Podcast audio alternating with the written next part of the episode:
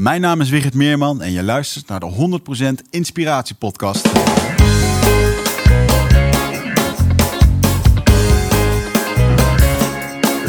Hey, wat goed dat je luistert. Hij staat weer voor je klaar. Je wekelijkse dosis inspiratie is weer daar.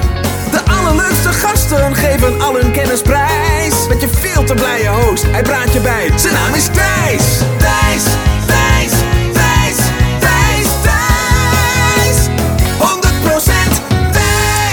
Ja, dames en heren, hij zit er echt. En ik drukte iets te snel op het knopje van de jingle, want jij knalde nog Thijs Lindhout erachteraan. Maar dat, eh, dat komt helemaal goed.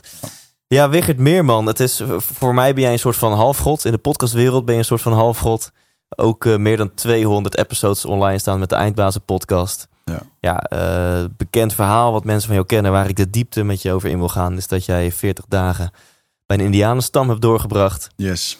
Nou, het eh, bewustzijnsverruimende middel ayahuasca is jou ook niet onbekend. Ja. Eh, dus wij zijn allebei gewoon heel intens op zoek naar antwoorden. ja. Op zoek naar, eh, naar geluk, liefde, spiritualiteit, succes voor onszelf. En ja, daarin pakken we gewoon allebei ons eigen pad. Ja. En dat vind ik heel erg tof. Ehm, Toch mooi dat we alle twee na 200 podcasts aan elkaar hebben gevonden. precies. En nog steeds geen idee hebben hoe het leven werkt. Nee, en ik denk dat het vraagteken ook alleen maar groter wordt naarmate we Ja. meer mensen spreken. Ja. Misschien ga je alleen maar betere vragen stellen. Maar ehm, ja, of minder. Ja, het, eh, het is nu al inspirerend. Stiller worden. Ja, dus ehm, waar ik het met je over wil hebben, dat, dat gaan we gewoon ontdekken in, in het komende uur. Ehm, uiteraard wil ik vooral inzoomen op, eh, op jouw boek wat net uit is. En dat boek heet dan ook Op zoek naar antwoorden. Met als ondertitel een verhaal over innerlijke vrede. Ja. Ehm, dus ik denk, lieve luisteraar, als jij eh, ja, hieraan kan relateren. En dat weet ik zeker dat het antwoord daarop ja is. Als jij ook op zoek bent naar, naar antwoorden voor jezelf. Daarom luister je deze podcast. Dan eh, gaan we nu het brein pikken van iemand die, eh, die ook eh, intense dingen heeft ervaren. En meer dan 200 mensen heeft geïnterviewd. Dus ik vind het super tof, eh Wigert, Ja. dat je hier bent. Insgelijks, dankjewel voor de kans. En eh, laten we dan ook gewoon beginnen. 100% Thijs. Ik vind het nog steeds heel knullig dat ik live die jingles doe. Nee, maar, dat is gaaf. Ik ja, zit te je denken, cool? dit moet ik ook hebben. ja, het is leuk speelgoed. ja. ja. We kunnen ook zelfs mensen inbellen. Dat, je, dat is wel cool. Dat je kan je iPhone aansluiten en dan zou je gewoon iemand Weet je een wat me altijd bij is gebleven? Dat eh, Giel kennen we natuurlijk alle twee. Die, eh, die dan op de radio speelde. En ik zat het vaak te luisteren in de auto. En als iemand dan op een gegeven moment over Frankrijk begon. Dan had hij Oh, het. Franse en of ander Ja. muziekje. En ik dacht, wow, chanson. Ja. hoe, hoe scherp zit jij op die knoppen dat je het live aan het doen bent, weet je wel? Maar, Ja. Ja, en Gerrit Ekdom eh, had natuurlijk altijd een sampletje van Die Lucht en eh, al dat soort dingen. ja. Keiharde porno had hij ook nog. Je eh, bent, je bent hard op weg om, om, om jezelf tussen die namen te brengen. Ja, nou ja, thanks. Maar we gaan het over jou hebben, Wigert. En ik begin toch even met de standaard eerste vraag, voordat het alle kanten op gaat in dit gesprek. Hmm. Wat wil je worden als je later groot bent? Wow. Shamaan. Ja. Dan ben ik denk ik het allergelukkigst.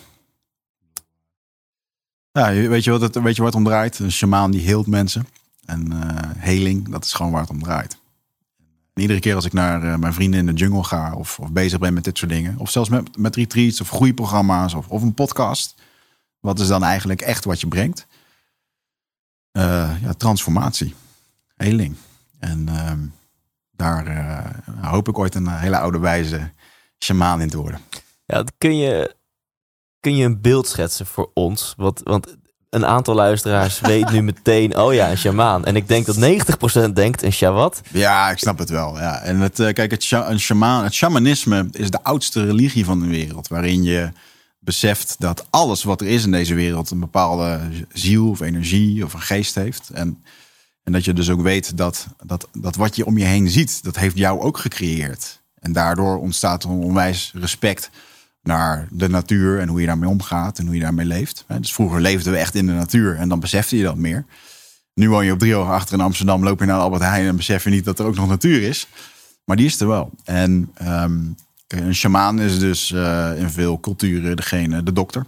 De, degene die, eh, die mensen heelt van ziektes of van, van dingen, van kwade energieën. Of je kan het zo spiritueel maken als dat je zelf wil. Eh, maar bij mijn vrienden in de, in de jungle, in de Amazone, daar zijn deze mensen, dit zijn gewoon de doktoren van de jungle. Want dan bestaat daar geen opleiding, geen ziekenhuis of geen dokter. Dan ga je naar de shamaan. En dat zijn toch mensen die uh, vaak in een, uh, in een hogere staat van bewustzijn kunnen komen door de dingen die ze doen. En dat zie je over allerlei culturen in de wereld heen. He, dus als je bijvoorbeeld in Afrika zie je wel eens van die shamanen die zie je urenlang trillen of dansen. Nou, dat is niet omdat ze het leuk vinden. Nee, dat doen ze om in een bepaalde staat van zijn te komen. En ehm, nou goed, je zou kunnen zeggen dat, dat een, een, priester of een. Mm, ja. Dat is ook een, soort, een vorm van een, van een shamaan. En, uh, ja. en hoe zie jij dat voor jezelf voor je? Want dan kan je een shamaan zijn, wat je al zegt, dat je heling brengt met je podcast en zo. Dat kennen wij hier in het Westen. of, jij, of, of, over twintig jaar zit Wigert ergens met strepen op zijn gezicht in de jungle. Nee, nee. Dat, uh, dat, dat, dat doe ik ook nog steeds, hopelijk dan nog steeds. Ik vind het heerlijk om naar de jungle toe te gaan en daar echt te leven in een dorp waar niks is. Geen elektriciteit, geen dingen. Waar, waar shamanisme gewoon, men ademt dat daar. Het is heel mooi om die kinderen van zes daar te zien opgroeien en dan en dan zie je gewoon waar het echt om draait eigenlijk. En dat is voor mij eigenlijk het shamanisme. En dat ik dat terugbreng naar Nederland. En dat ik daar uh, dat ik dat uh, deel in mijn podcast. Dat ik er boek over schrijf. Dat ik daar mensen mee coach. Ook business coach. En groeiprogramma's doe. Ja, ik ben dus een groot voorstander om die, die, die voorouderlijke wijsheid. die wij eigenlijk al lang vergeten zijn. Om die oude rituelen, die oude gewoontes, die manieren van denken. Om die terug te brengen hier naar onze westerse wereld. Uh, en ik denk dat mensen daar heel veel zingeving en geluk en, en innerlijke vrede uit kunnen halen. En uh, dat, dat is helaas iets wat, wat onze maatschappij, de huidendaagse, hedendaagse samenleving, uh, vergeten is. En we ironisch genoeg keihard nodig hebben. Ja, en je zegt heling, dat is eigenlijk het, het mooiste wat er is, of het enige wat er is. En je ja. zegt zelfs met mijn podcast, ja, wat breng ik eigenlijk? Dat is ook gewoon heling, ja. transformatie. Ja. Ja, ik heb ook een podcast. Deze is ook episode 205 of zo. Ja ik heb echt nog nooit zo naar mijn podcast gekeken. Dus kun je dat eens toelichten? Ja, ja. vergis je niet in, het, in um, wat het verschil in perceptie kan doen. He, dus op het moment dat jij hier mensen vraagt, jij stelt vragen en mensen zitten met dezelfde problemen als jij. We hebben net even van tevoren zitten kletsen. Uh, uh, ik heb shit, jij hebt shit, iedereen heeft shit. En, en doordat ik dingen deel, vind jij herkenning en kan je misschien dingen in een ander ding plaatsen. Komen allemaal specialisten hier bij jou. De kennis die je hier deelt, kan levens veranderen. Um, ik, ik denk, en dat is een beetje het lastige met podcasten, dat er wat weinig interactie is met, uh, met, de, met de luisteraars. Maar de kennis die je hier deelt en de ervaringen en de kwetsbaarheid die je laat zien, die kan op het moment dat iemand volledig omringd is in duisternis in zijn leven, want dat kan door de omstandigheden of door zijn eigen patronen of wat dan ook, uh, kun, je, kun je iemand zijn perceptie veranderen. En uh, dat is waanzinnig om iemand gewoon anders te kunnen laten kijken naar zijn probleem of naar zichzelf, waardoor hij zichzelf weer op kan pakken en naar het volgende kan. En, en heling hoeft niet een of ander heel zweverig iets te zijn waar, we, waar ik met mijn hand over jou heen ga en waar, hè, waar ik van allerlei doe. Ik bedoel, uh, heling kan ook gewoon een heel goed gesprek zijn. Of het, het beste medicijn voor iemand die gewoon een keer gehoord wil worden, is gewoon luisteren. Ja. En is er een moment in jouw leven geweest waarop je voelde, ik, ik heb behoefte aan transformatie, ik heb behoefte aan heling. Hoe mijn leven nu is, is, is niet hoe ik het voor me had gezien. Ja. Um, ik denk dat ik daarmee geconfronteerd werd op een moment dat ik er niet per definitie naar op zoek was, maar dat ik het wel wikkelhard nodig had. En um, ik, uh, ja, ik heb best wel een goede jeugd gehad. Ik ben gewoon uh, opgegroeid uh, in het dorpje Hees in Brabant. met een gezin van drie. Mijn moeder en mijn broer. Mijn vader die is twee maanden na mijn geboorte overleden. En um, op een gegeven moment uh, kreeg mijn moeder ook een, een, nieuwe vriend. Die kwam bij ons wonen. Wel eigenlijk best wel een fijn gezin. We gingen vaak op vakantie. Nou, eigenlijk perfect family. Ik zat lekker op hockey en zeilen en dat soort dingen. En op een gegeven moment uh, ja, zijn er toch wat dingen bij ons gebeurd thuis. De situatie veranderde. Uh, ik heb een broer die uh, een open hartoperatie kreeg toen hij 13 was. de nodige uitdagingen kreeg op school. En ja, niet helemaal relaxe, relaxe relatie met mijn stiefvader. Waardoor het op een gegeven moment bij ons thuis best wel grimmig werd. Ook uh, ja, steeds meer agressief gedrag. En, en dat uitte zich op een gegeven moment echt wel in hele moeilijke periodes. Waar uh, op een gegeven moment mijn moeder haar relatie heeft verbroken met, met mijn stiefvader. En ehm, de situatie bij ons thuis steeds ehm, ja, gekker werd eigenlijk, mag ik wel zeggen. Dus ik heb eigenlijk van mijn twaalfde tot mijn twintigste tiende tot mijn twintigste, een beetje in die regionen, heb ik eh, in een huishouden geleefd waar best wel vaak uh, verbaal geweld was of uh, fysiek geweld, waar de ruiten door werden gegooid of deuren werden ingetrapt. En dat had er allemaal mee te maken dat, dat mijn broer ja, mentale uitdagingen had, waar op, op, dat moment niet zoveel bekend van was. En ik heb toen echt een. Ja, dus mij, hij kon nog niet zo goed geholpen worden. En ja, dat, dat, dat, is een moeilijke tijd geweest. En ik heb toen mijn uitvlucht gevonden in, in sporten. Gewoon op mijn zestiende naar de lokale sportschool gegaan. Braziliaans jiu gevonden, kickboksen, MMA. En daar helemaal in opgegaan. Twee keer per dag trainen, jarenlang gedaan. de wereld overvliegen om wedstrijden te doen. En ja, ik vond dat, vond dat, maar het was eigenlijk een uitvlucht om weg te zijn van thuis. Ja. En, uh, en, op een gegeven moment uh, ja, moest je toch wat gaan doen met je leven. Dan ben je 25, heb je HBO gedaan en uh, dan wordt er wat van je verwacht. Dan denk ik, nou weet je, dan, oké, dan gaan we maar succesvol worden in een baan. Dus toen ben ik bij multinational gaan werken. En toen ja, ben ik daar echt heel snel gegaan.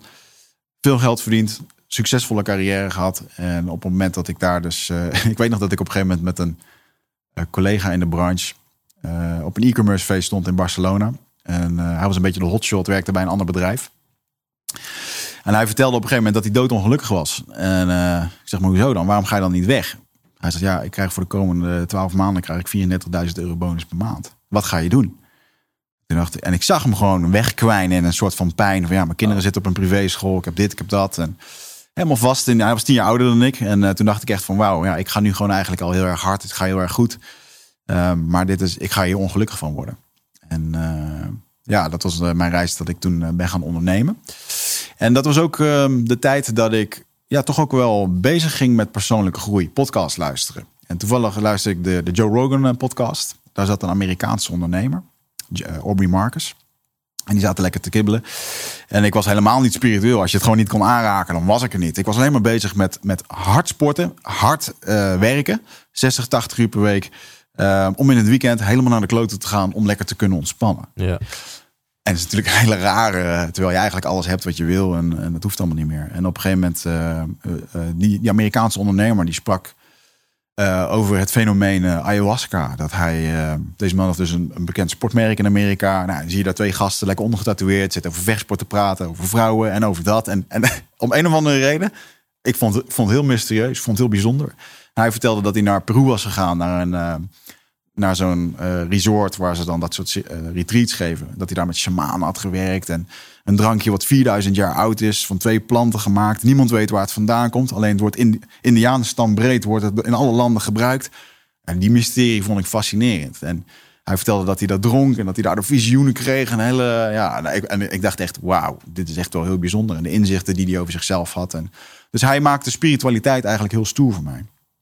En uh, toen dacht ik, nou weet je, dit moet ik ook doen. En waar, waar hebben we het over? Welke jaartal is dit? Dit is, uh, toen was ik uh, 32, 30. Ja, rond mijn 30ste, 31ste. Ja.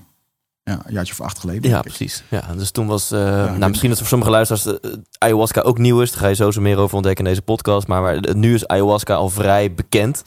Ja, nu is het uh, toen, nu is het, ja, uh, toen acht jaar geleden was, was je echt een gekkie. Ja, was, was, was onbekend inderdaad. Ja, en. Uh, dat is ook wel een grote grap. Um, leuk dat je die sprong maakt. Want ik, nou, ik denk, weet je, we gaan het doen. Ik gegoogeld en ik zag in één keer, er komt een Peruaanse shaman naar Nederland. En, nou, dus ik ging daarheen. En je moet dan daarheen met een intentie.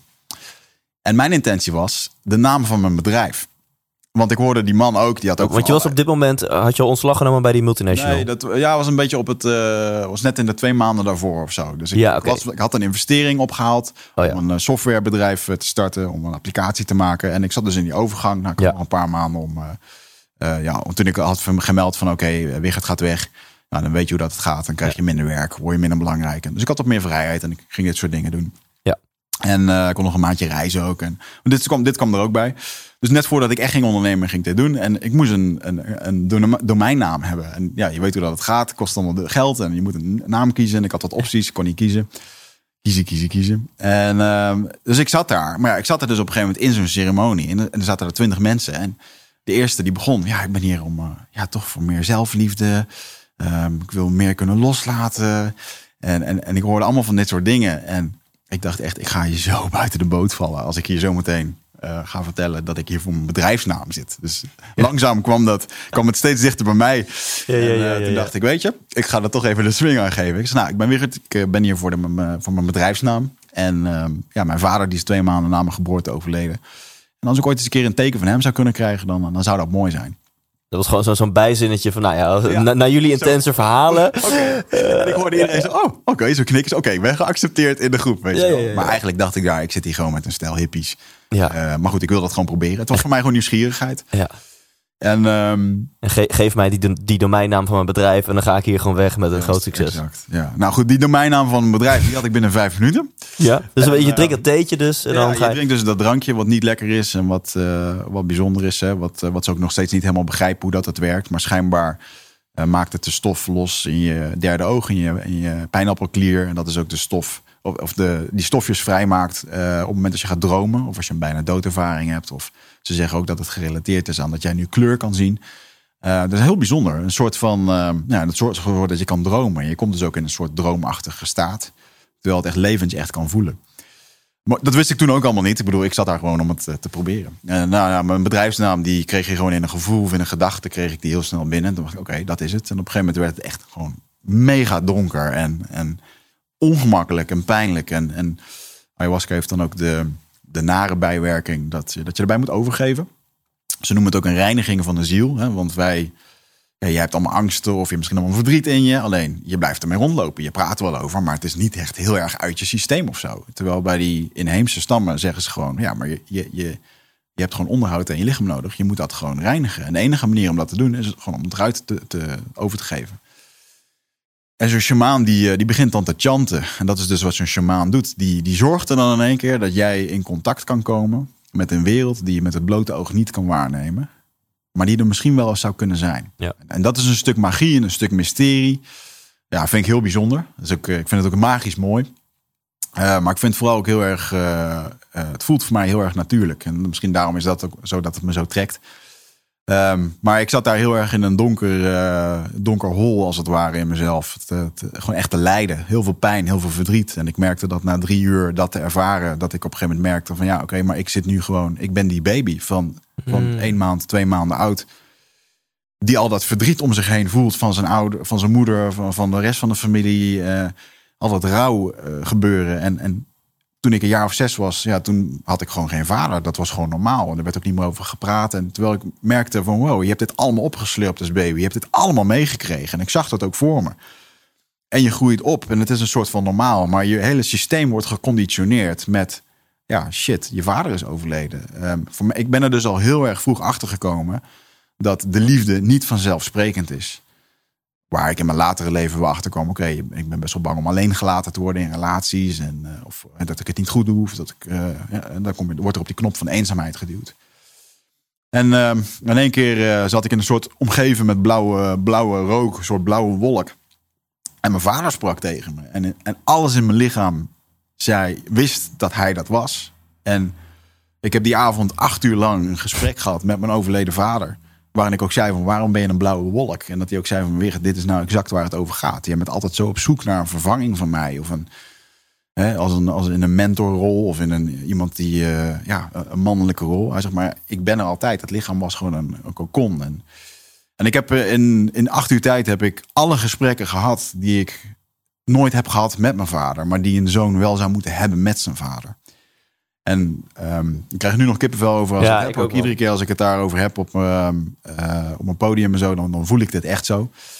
En ehm, het is de meest helende, verlichtende, spirituele avond die ik ooit heb gehad. Ehm eventjes, want er zijn nu de luisteraars die dit luisteren, die denken nu twee dingen. Van nou, mooi. Hij heeft gewoon drugs gebruikt. Dat raakte, dat ging, dat raakte zijn eh, gevoelens en gedachten. Die kwamen omhoog. En daardoor heeft hij deze ervaring gehad. Eh, of een ander kamp zegt, nou ja, misschien heeft hij inderdaad wel eventjes in die wereld getapt van eh, eh, wat we niet kunnen zien. En dat vind ik heel fascinerend, hè? want een hondenfluitje, we weten dat het bestaat, maar wij horen het niet. Wifi, wij zitten nu in een of andere wifi-netwerk, maar we zien het niet. En wat wij kunnen waarnemen met onze zintuigen, is maar heel erg beperkt. En ik vind het heel erg mooi dat, ik, zo zie ik dat, dat zo'n vorm van ayahuasca, eh, maar een week vipassana of andere dingen, die Mhm. helpen daar natuurlijk ook bij. Die zorgen ervoor dat die zintuigen eh, ja, eh, extra aangaan of even geactiveerd worden. zo- Zodat je daar eventjes kan halen wat je nodig hebt. En dat is dan ook de rol van zo'n shamaan. Dat die tussen die twee werelden jou meeneemt op reis. En, en, en dat is iets, ja, die, die, die mensen die doen het van een. Die worden gewoon opgeleid. Als ze de twee, drie jaar oud zijn, dan gaan ze al hierin mee. Want ze weten al dat ze shamaan worden. En ehm, ja, dat betekent dus dat je dan eh, hele lange rituelen moet gaan doen. Die ik bijvoorbeeld dan ook in de, in de jungle heb gedaan. Om jezelf daarin te ontwikkelen. Ja. En eh, ja man, dat was echt een... eh, toen liep ik naar buiten en toen was het echt alsof er een blok beton van drie kilometer om me heen... gewoon met een sledgehammer opengebroken was. En dat ik in één keer voel, een bepaalde compleetheid voelde. En Wauw.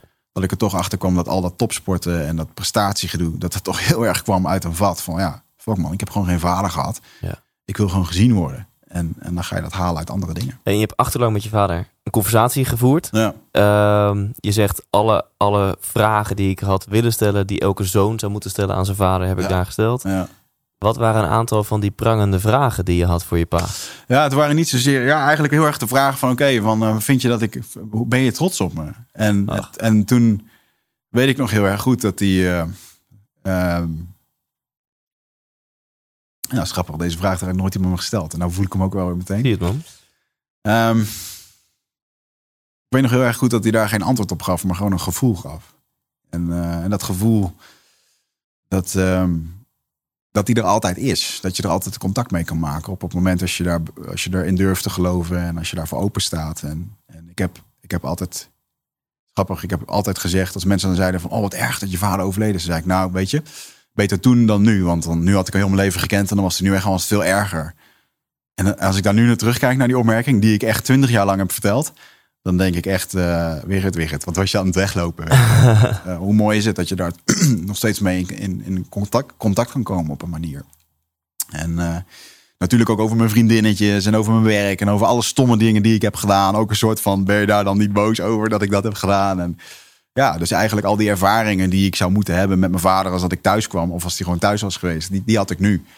En eh, ja, dat is heel mooi geweest. En ik, hij heeft me ook nog een, eh, een rondleiding door het hiernamaals gegeven. Ehm, allemaal in een visioen dus. Want omdat ik toch eh, ook een ontzettende angst voor de dood had ontwikkeld. En sinds, sinds ik dat heb ervaren, is dat er ook gewoon niet meer.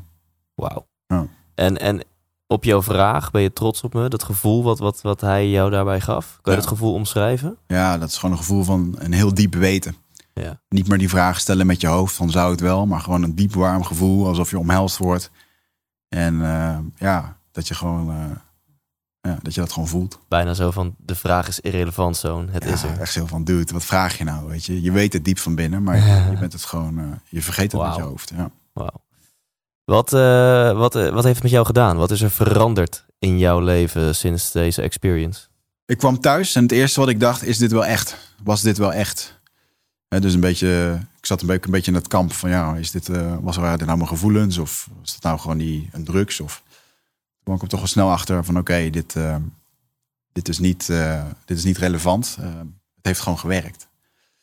Ik werd er lichter door, ik werd er relaxter door. Ik stopte met het feesten. Ik stopte met, eh, ook die ayahuasca heeft er heel erg voor gezorgd dat, joh, dat iedere weekend naar de kloot te gaan, is gewoon niet gezond wat je aan het doen bent, is niet gezond, weet je. En eh wees eens wat liever naar jezelf, ook naar je relatie. Ik had toen een, relatie met een, eh, met een meisje.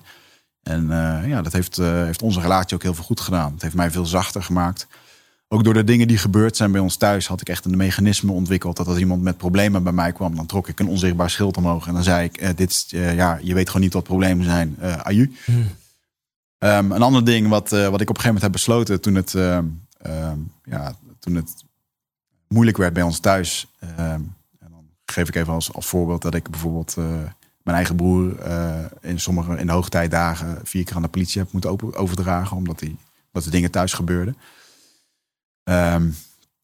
Ja, super heftig man. En op een gegeven moment heb ik echt de beslissing gemaakt van fuck, ik wil dit helemaal niet. Ik, ik stap hieruit. En, en dat betekent dus dat ik hem uit mijn leven heb gesneden. Dat ik gewoon ben gaan reizen, een jaar naar Australië gegaan, hard sporten, hard werken. En ik heb hem gewoon tien jaar niet gezien, tien jaar genegeerd.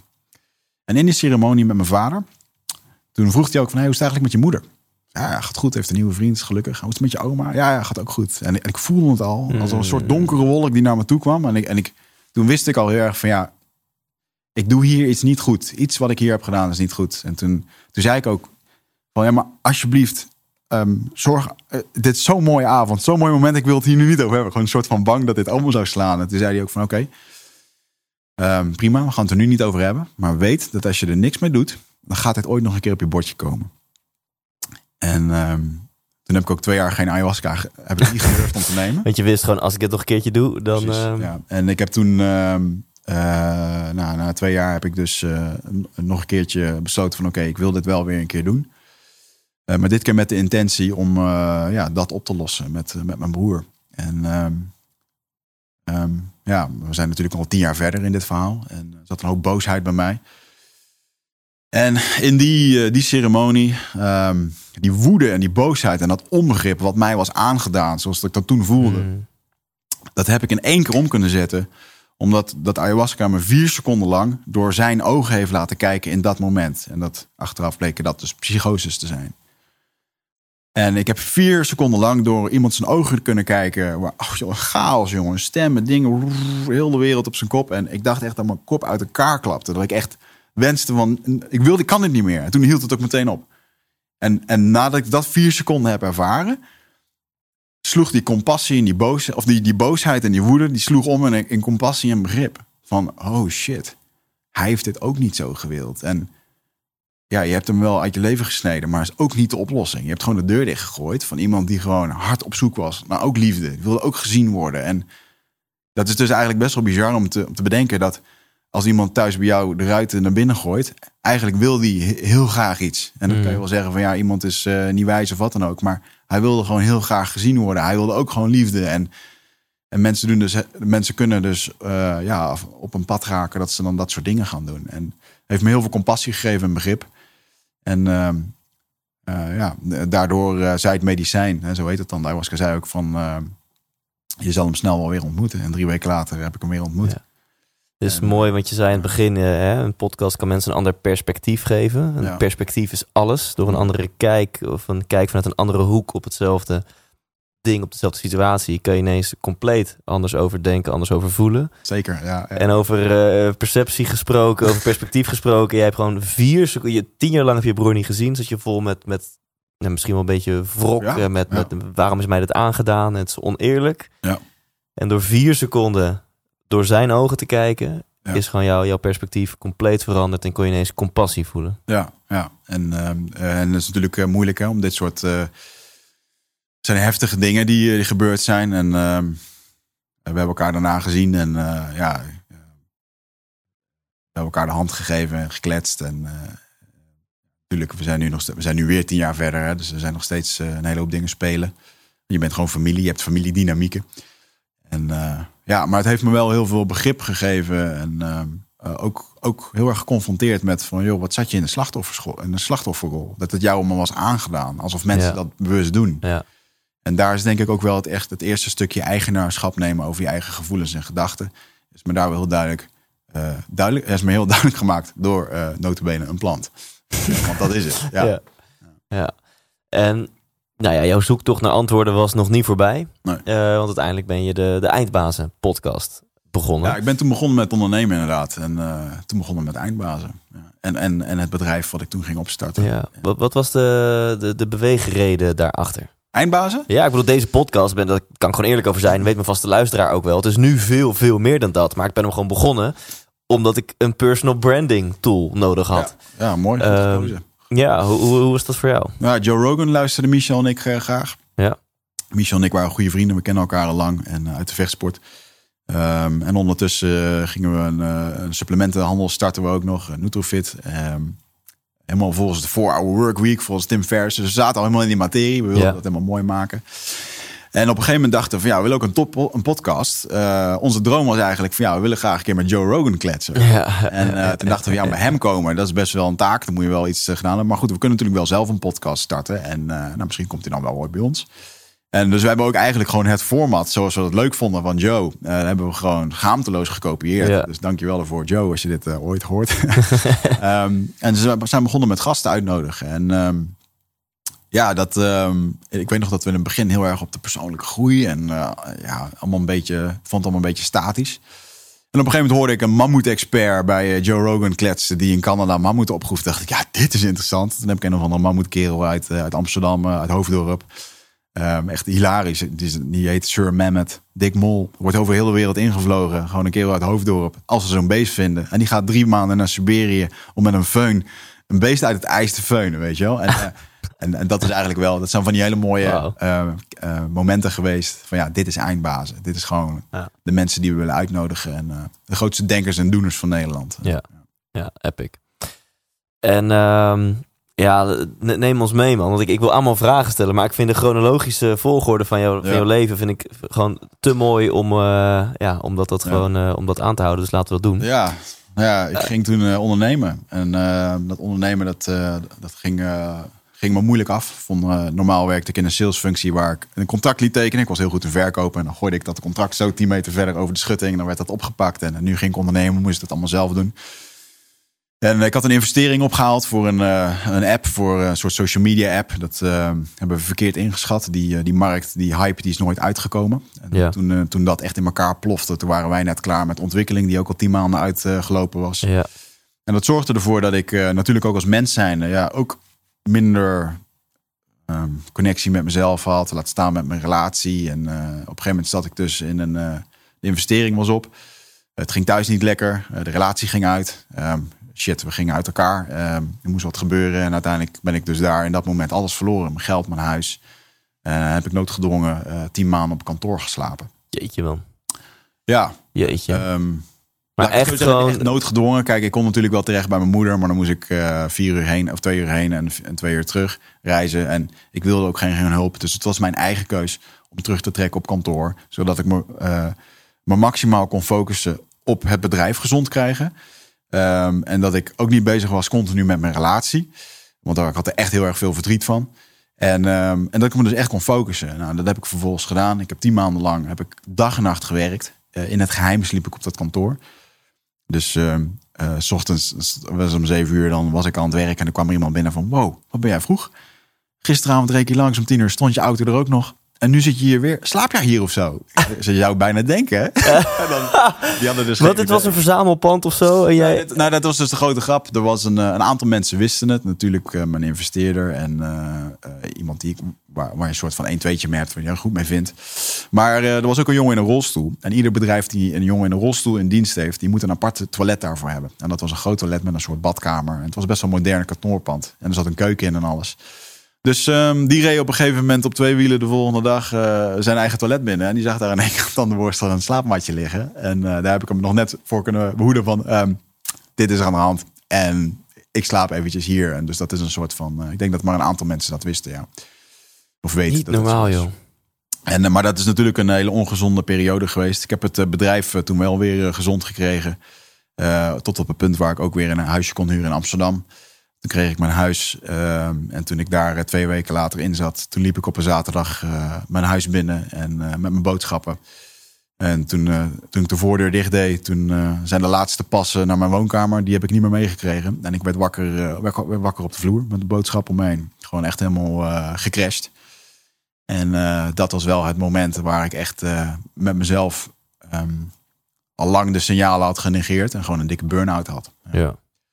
En toen moest ik een moment van herstel in. Dat heb ik toen gedaan. Gelukkig had ik zo hard gewerkt dat de pijplijn vol zat met klanten. en dat ik echt Dat heel wel. goed gesteund was door mijn investeerder. Die, ook, eh, die het ook echt wel begreep. En die zei van nou, het belangrijkste is gewoon eh, laten we de klanten behouden die we nu hebben. En wat er in die pijplijn zit. En we hoeven even niet te focussen op nieuwe klanten. En dat, dat, dat hebben we zo gedaan. En, maar ik merkte wel, naarmate ik na tien maanden weer een beetje begon te werken. Want ik voelde natuurlijk heel veel druk om dit weer, ja, ik moet het oppakken. Eh, werd ik eigenlijk weer ziek. En eh, dat is het moment geweest dat ik toen eh, wederom een ayahuasca-ceremonie heb gedaan. Om gewoon eens te kijken van oké, wat wil ik hier nou eigenlijk mee? Ja, ik vond het heel eng, want er zat natuurlijk een investeerder bij. En ja, we hadden natuurlijk iets gebouwd wat niet helemaal was gelukt. En anderzijds liep het nieuwe nu weer wel. Maar ik was eigenlijk een full-service social media bureau geworden. Maar dat wilde ik eigenlijk al niet. Had ik het helemaal niet voorop gezet. Dus ik was heel erg bezig ook met die verantwoording van dat geld. En ehm, ik weet nog wel dat mijn... eh, eh, toen eh, waren we nog lekker elkaar aan het, aan het leren kennen. Mijn vriendin Marieke van Meijeren van de bewustzijnsschool. Die, die stelde op een gegeven moment een vraag aan me. Van, joh, wat, hoe wil je je volgend jaar voelen? En dat was ergens in december. Ik zeg, nou, volgend jaar. Ik zeg, nou, als het kantoor van Zoetermeer naar Amsterdam komt, meer klanten heb, een paar mensen erbij en ja, wat meer omzet, dan heb ik rust. Zij zo, maar, maar bleef ze even stil. Zij zo, hoe wil je jezelf volgend jaar voelen? Ja, ehm, Rustig, gezond, geen stress. Wat is dan het eerste wat je moet doen? Ja, dan moet ik van dat bedrijf af. wow. En toen, Wow. toen in één keer van ja, shit, nu moet ik dat dus gaan vertellen. Hoe ga ik dat dan doen? En toen heb ik nog een keertje een maand later een ayahuasca-ceremonie gedaan. Met een Braziliaanse shamaan. En daar zag ik een heel duidelijk visioen. Van Wigert, je gaat je bedrijf verkopen. Dat gaat er op deze manier uitzien. Ik zag al die beelden voor me, al die gesprekken voor me. En in september kom jij naar de jungle. En daar ga je antwoorden vinden. Wauw.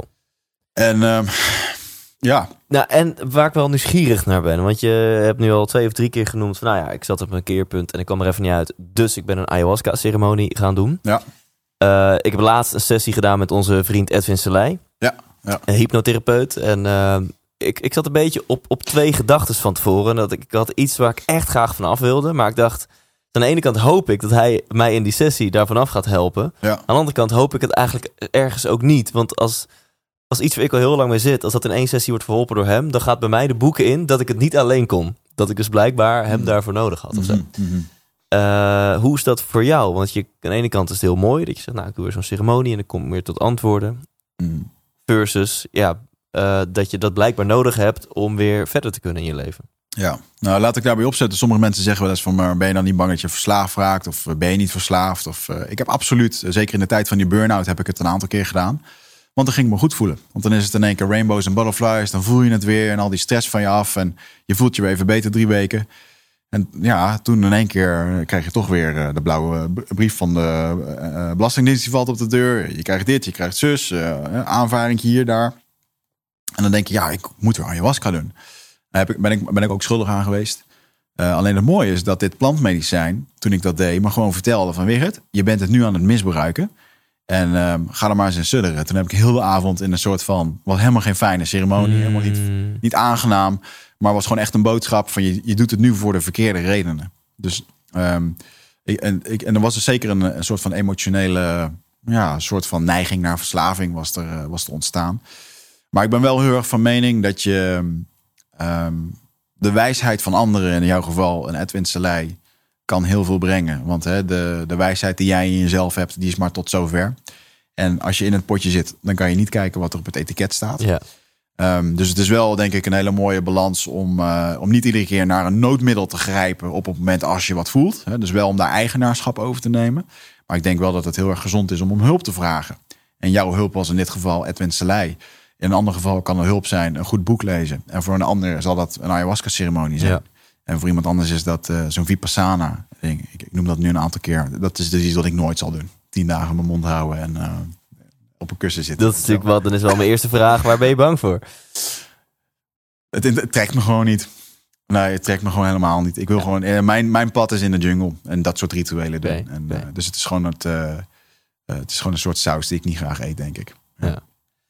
En eh, iets eh, zei tegen jou, jij moet lekker naar de Indianen toe gaan. En daar ga je antwoorden Nou ja, vinden. die, dat die ayahuasca dus. Ja. En ehm, ja, dan kom je dus met een ding. Ik heb toen de volgende ochtend heb ik die shamaan samen met iemand waar die mee aan het rondreizen was. Want die spreken, die spreken niet de taal. Die kun je niet zomaar op de bus zetten hier van Amersfoort naar Amsterdam naar Schiphol. Dat gaat niet goed komen. Die mensen komen uit de jungle.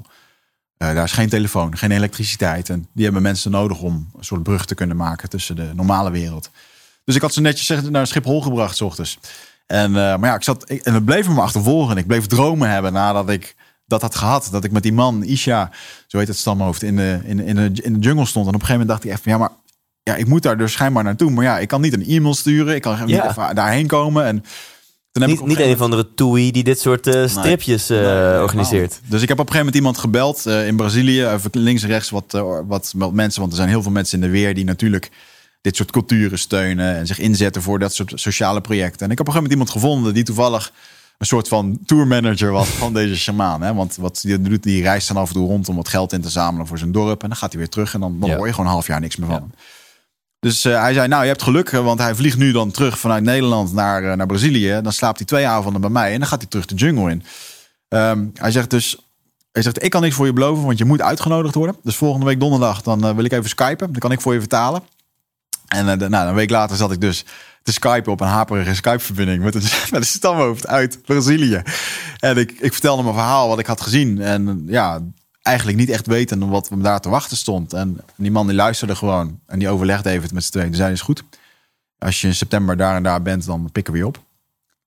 En, ik- En, en, en, en, Oké. en je hebt uiteindelijk dus zes weken gezeten. Ja. hij ook meteen met dat voorstel van ja, dan mag je zes weken. Nee, ik, had, of- ge- ik, had, eh, ik had wel even overlegd van wat zou goed zijn. Eh, Want eerst wilde ik twee of drie weken. En toen zei hij van nou, eh, het is wel even goed als je een langere tijd gaat. Dus eh, eh, hij wilde in, in eerste instantie wilde hij drie maanden. Eh, maar dat vond ik te, te veel. En eh, ik wilde gewoon eh, ja, zes weken. Daar heb ik toen voor gekozen. En eh, ik wist wel dat ik daar eh, ging deelnemen aan een, eh, aan een eeuwenoud ritueel voor persoonlijke groei. Wat onze voorouders gebruikten voor zelfontwikkeling, voor heling als het ware. En ehm, dat soort rituelen zie je natuurlijk in alle voorouderlijke culturen zie je die terug. Hè. Bijvoorbeeld in India sluiten mensen zichzelf op in een grot een week lang. Want dan maak je geen melatonine meer aan. Want je brein denkt continu dat het nacht is. En dan ga je in één keer die visioenen die je ziet met ayahuasca, die zie je dan in één keer. Dus daar hoorden mensen dus ook de stem van God. ja. En in de jungle, daar hebben ze zogenaamde plantdiëten. Dat betekent dat eh, shamanen of de indianen, die gaan een bepaald dieet aan. Zo noemen ze dat een ritueel met een plant. Eh, hè, want die plant die heeft een ziel of een, eh, of een geest. En die vertelt jou vervolgens eh, wijsheid. Nou, we hadden het net over, wat doen shamanen, doktoren van de jungle. In de jungle gebeuren ook ongelukken. Breken mensen ook een been. Worden mensen ook ziek. En als je dan aan zo'n shaman vraagt, maar hoe, hoe weet je dat? Hoe weet je wat je moet doen om iemand te helpen? Dan zeggen ze, de planten hebben het ons verteld. En dat, eh, dat, dat zinnetje, dat zal iedere shamaan, regenwoudbreed, Ecuador, Venezuela, Venezuela eh, Peru, die, zegt dat. De planten hebben het ons verteld. En dat is iets wat wij dus heel erg vergeten zijn. Dat als je je lang genoeg terugtrekt in de natuur, dat alle wijsheid en alle antwoorden daar te vinden zijn. En dat betekent ook dat je jezelf moet afzonderen van alle prikkels. Dus niet met andere mensen praten. Geen zout, geen suiker, eh, geen seks. Het is afleiding, dus buitenaf, zeg maar. Eh, zo min mogelijk praten. Eh, wat je allemaal ervaart mag je ook niet delen. Ehm, want wat doen wij op het moment als we onszelf niet lekker voelen hier? Dan gaan we kletsen, gaan we koffie drinken. eh, dan gaan we Netflixen, gaan we Facebooken. Alles om maar te verdoven. En op het moment als je al die dingen wegstript... en je zit in één keer in, in die jungle... nou dan kun je het een paar dagen... dan eh, hou je het wel vol met jezelf een beetje voor de gek houden. En dan kom je op een gegeven moment in een plek... waar alles, waar je hier zo gemakkelijk bij kan... verdoving, beloning, eh, likes, even wat delen. Weet je, als ik me rot voel, dan deel ik even wat op Instagram... en dan heb ik weer wat te doen om me goed te voelen. En dat is daar niet. Want die jungle die geeft niks om jou. Niks om jouw status als, als podcaster. Dat je 200 gasten hebt gehad over je bedrijf, over je geld. Ook niet over je medelijden of over je zieligheid of wat je ook voelt of over je boosheid. Heeft gewoon geen oordeel. En dan blijft er maar één iemand over die daar wat van vindt. En dat ben jij. En dat, ja, dat is heel erg confronterend. En dat is natuurlijk iets wat, we, wat, we, ja, wat wij heel erg, we zijn heel erg pijnvermijdend. Ja. Ja, en ik, ik ga voor een groot gedeelte met je mee. En ik, en ik heb een vraag. Want ik Mhm. snap inderdaad wat je zegt. Dat, dat wat wij heel vaak doen is, is beloning vinden. In eten, in eh, whatever. eh, in drinken, in feesten. Afleiding zoeken. Ja. Terwijl we eigenlijk iets te voelen hebben. Maar je noemt ook... Je moet eigenlijk zo min mogelijk praten. Mhm. Terwijl ik denk juist, ja, als je ergens mee zit, is het juist goed om het daar, Ja. of het nu met vrienden of met een therapeut, of het is juist goed om daarover te praten, want dan, dan ga je het verwerken. Nou, het is heel mooi dat je dat zegt. Het, het delen van je gedachten is de oudste vorm van heling die er is. In het regenwoud bestaan geen burn-outs, depressies, eh, migraines en vele vormen van kanker die wij kennen, die komen daar niet voor. Bestaan gewoon niet. Ja, tenzij een oliebedrijf achter in de achtertuin gaat lopen boren, hè, want dan, haal je, dan verstoor je de natuurlijke habitat. Maar bestaat daar niet. Zij noemen dat ook westerse ziektes. En het mooie daarvan is, is hoe ontstaat een depressie? Een depressie is als iets op elkaar wordt geduwd. Hè? Het tegenovergestelde van depressie is expressie. Oftewel, je voelt je rot en je uit het. Ja. uit je systeem. Toen ik daar voor het eerst kwam, zaten er 130 indianen. En die zaten daar. Ter ere van mij gingen we even een, een sharing doen. En, en dat betekent dat je met, met 130 man daar zit. Dus een grote indianenstok die staat er in het midden met een veer erop.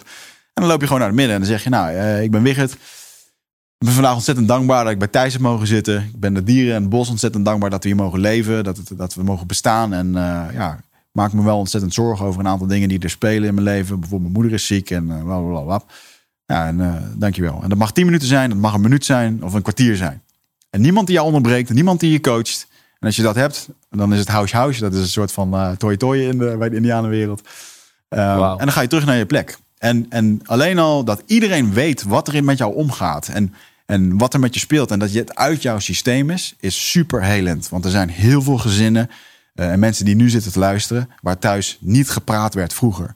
En er is een hele grote kans dat het zelfs nu aan tafel, dat er wordt gesproken over hoe het was op het werk. En eh, hoe het ging met de cijfers of wat dan ook. Maar niet over wat er diep in de kern in jou omgaat. Dat je je rot voelt, dat je bang bent, dat je eenzaam voelt. eh, ja, dat je je niet gezien voelt, dat soort dingen. Ja. En, en dus als je dat dus niet uit. En uiten is dus ook dit soort ayahuasca is ook een vorm van uiting. Want het komt er uit je systeem. Wat jij bij zo'n therapeut doet is een vorm van uiting. Jouw muziek Ja. maken is een vorm van uiting. Maar op het moment dat jij je niet mag uiten in je spraak, in je passies. Ehm, eh, eh, bijvoorbeeld op je werk. Je mag niet doen wat je leuk vindt. Word je depressief. Ja, dus je, je hebt daar dus niet de, de gesprekken, maar je mag wel voor 130 man eh, delen wat, er- wat er in je omgaat. Nou, En- ik moet, ik moet het even zo zien. Kijk, dat ritueel wat ik deed is echt een soort een journey die je met jezelf aangaat. Ja, Waarbij je zegt, oké, ik ga nu een bepaald iets doen met een bepaalde eh, intentie. Ik ga mezelf terugtrekken in de bossen. Uh, shamanen doen dit soms maanden, jarenlang. Eh, om tot mezelf te komen, om tot antwoorden te komen. Want die antwoorden zitten in jou en de natuur gaat je daarbij helpen. En het idee daarbij is, is inderdaad dat je jezelf zes weken of maanden afsluit van de buitenwereld. Dus dan kom je ook niet in dat grote indianendorp. En daar ga je heel veel ayahuasca drinken, ga je werken met andere planten. En dan kom je iedere keer in een hogere staat van zijn, waar je, waar je tot inzichten komt, of tot antwoorden, of tot heling komt. Dat is doodeng. Eh, het is extreem, het is onorthodox. En ik, ik begrijp dat mensen dat zo vinden. Ehm, maar zie dat men dit al van oudsher Ja. deed. En, en ja, dat is heel bijzonder om dat te zien. En dat je daarna terugkomt in het dorp. Hey, die mensen leven ook gewoon, die grappen ook gewoon met elkaar. Die hebben ook gewoon lol met elkaar. Maar de, de vorm van expressie, eh, die is daar heel mooi. En het mooie is een stam is, als jij daar onredelijk bent tegen je vriendin, dan zien de andere, andere stamleden zien dat ook. Want er zijn geen deuren of ramen of wat dan ook. Ehm, en als jij vriendin onredelijk is, of er wordt ge- gevochten, of er is weet ik veel wat, dan ziet men dat. En, en, en die transparantie, die Ja. zorgt voor een soort sociale ehm, controle, denk ik. En ja. ja ik heb super veel respect voor je en ik wil er nog meer over weten dat je dit hebt gedaan, dus zes weken lang. Eh, en ik voel ook een beetje frustratie in mij omhoog komen. Ook als je het hebt over, ja, in sommige stammen gaan ze een week in een grot zitten, eh, zonder licht, zonder melatonine en eh, in een eentje. Ja. Die frustratie die ik voel is, waarom moet het zo extreem? Ja, Weet je, wel? ik ja. weet, pijn hoort bij het leven. Ik weet, het leven is oneerlijk. Ik weet dat vaak de moeilijke weg de juiste weg is. Dat weet ik allemaal. En tegelijkertijd voel ik ook, kan het niet iets makkelijker zijn om, om antwoorden te vinden, om aan jezelf te werken? Ja. Ik, had in, eh, ik had deze vraag had ik met Michael Pollan eh, heb ik besproken. Een Meneer die heeft een, eh, eh, ik geloof het in de New York Times dat het ook benoemd als een van de honderd rijk, eh, invloedrijkste journalisten. Hele mooie documentaires gemaakt en heeft een boek geschreven wetenschappelijk over psychedelica. Ja. En ik krijg ook vaak het verwijt van Wigert, waarom doe je nou iedere keer die ayahuasca? Want je, die antwoorden zitten allemaal in jezelf en je kan het ook zonder. Ja, dat klopt. Eh, maar er lijkt ook ergens een ontzettend stigma te zijn. En daar kunnen we over, daar kunnen we over mening van verschillen over dat, dat eh, gegeven. Maar er lijkt ook een soort van stigma te zijn. Van het lijkt erop dat psychedelica ervoor zorgt dat je in één keer in een, in een soort achtbaan komt, waardoor je sneller tot antwoorden kan komen. En we lijken er een soort van fobie voor te hebben. Van nee, eh, dit moet je zelf doen. Jarenlang mediteren en dan komt het vanzelf. Je hebt al die dingen niet nodig. Maar ja, oké, maar schijnbaar kan ik... eh, Ik open in één keer een gordijn of dat trek ik omhoog... waar ik in één keer onderdoor kan kijken. En wow, eh, ik haal daar mijn informatie en ik kom weer terug hier. En, en daarmee kan ik weer verder. En ehm, ja, ik denk dat ehm, de hele diepe antwoorden... of jezelf opnieuw vinden... Ik denk dat dat wel, eh, eh, ook als je het niet bewust opzoekt door in een grot te gaan zitten of eh, door zoiets te doen als wat ik deed, dat het vanzelf naar je toe komt door middel van een scheiding, een burn-out, andere dingen die het leven je toewerpt. En ik ben er gewoon heel erg voor om dat af en toe voor jezelf op te zoeken. Ik had gewoon een, een rite of passage nodig, een overgang naar een nieuw iets. Ik wist niet wat of hoe of Ja. wat, ik kon mezelf daar niet mee helpen. En ik voelde gewoon aan alles dat dit het was. Ja, en is er iemand die nu luistert of kijkt en denkt, ja, ik heb ook wel zoiets nodig, maar zes weken, ja, Nee, om ja. wat voor reden dan ook, gaat echt niet gebeuren. Weet je, kun, je mensen, hè, ik weet dat David en Arjan, die hebben in een jaarprogramma een Nature Quest. Dan ga je 24 uur onder een boom zitten in je eentje, weet Is je ook wel. heel wat. Ja. Ja, precies. Dus, je, dus ja, je kan mensen ook aanraden, doe een kleinere versie en Ja, daar vind je ook al... Eh, je hoeft ook helemaal geen ayahuasca te doen. Je kan, kan ook gewoon een yoga retreat doen. Of je kan een, eh, of een relatie retreat. Of je gaat lekker naar Jan Geurts toe. Of je gaat andere dingen doen. Kijk, net wat jij nodig hebt en wat je trekt. En ik weet gewoon heel erg, dit is mijn pad. En mijn tweede familie woont gewoon in die jungle. En eh, eh, ik, ja, ik, ik blijf dit doen totdat ik dood neerval. Oké, in zes weken. Dus je telefoon lever je in, kleding lever je in. Je hebt gewoon echt 40 dagen lang nul contact met, met de wereld, hoe, hoe, hoe was het? Was het zwaar? Moest je keihard door eenzaamheid en verveling heen? Of was Ja. het, weet je wel, ik, ik heb heel veel vragen. Ja, er waren een aantal regels. Ik mocht geen water drinken. Dat werd op een gegeven moment aangekondigd. Ik mocht op een gegeven moment alleen maar een soort brouwsel drinken van eh, ja, maispoeder. Een soort, eh, dat gooien ze. Het eten is daar heel simpel. Het is eigenlijk gewoon een soort aardappel wat je daar krijgt. Eh, banaan. Ik mocht geen suiker, dus ik kreeg een soort banaan die smaakte echt ook als een aardappel. En daarnaast een soort maispoeder wat je eroverheen kon gooien en pinda's. Pinda's vers uit de grond. Smaakt heel anders dan pinda's die wij kennen. Nou, dat moest je dan eten. En de hele tijd zat ik dan zo'n soort drap te drinken. Een soort van maismeel of aardappelsoep kreeg ik dan. Ja, het was niet heel erg plezant. Maar dat reinigt dan ook heel erg je lichaam. Dus dit was ook echt een reiniging van mijn fysieke systeem. Ik had een dikke burn-out. Ik ging nog steeds met een knoop in mijn maag. Waar ik al heel lang mee rondliep. Ging ik daar ook nog steeds heen. En ehm, ik durf wel te zeggen dat mijn systeem echt verstoord was. Ook hormonaal en gewoon... Ja, ik liep gewoon nog steeds op stress. Ik had net het bedrijf afgerond en verkocht. En toen was ik daar. En ehm, ik was daar natuurlijk met heel veel vragen. En op mijn eerste ayahuasca-ceremonie dat ik daar was, kreeg ik een, eh, een visioen. Eh dus moet je voorstellen, jongens, dan zit je daar met een kampvuur met 130 indianen die daaromheen zitten. En die zitten allemaal te chanten, allemaal te zingen. En het lijkt alsof het één grote chaos is, maar het is compleet georchestreerd. Die mensen doen niks anders. En al die liederen, die, die zorgen ervoor, die brengen heling. Dat noemen ze ook de helende chants. Als jij daardoor ziek bent, dan laten ze die ayahuasca drinken, zetten ze jou in de midden, gaan ze met drie shamanen om je heen zitten en dan gaan ze voor je chanten. En, en, en zo heel je jezelf dus. Want heel vaak zijn jouw ziektes een oorzaak. Of jouw ziektes is niet de oorzaak. Jouw ziekte is het resultaat van een oorzaak ergens in je lichaam. Hè, ontzettend veel rouw of verdriet kan ervoor zorgen dat je ja, eh, ontstekingen ergens krijgt of wat dan ook. Richard Telet kan er natuurlijk heel mooi over vertellen. Ja. Eh, ik geniet er altijd van als hij vertelt hoe hij acht dagen zich terugtrok in de, in de jungle. En heel wetenschappelijk, of in de jungle, in de natuur. Ja. En zijn bloedwaarde liet testen. En dat vervolgens alles in één keer normaal was. Ja.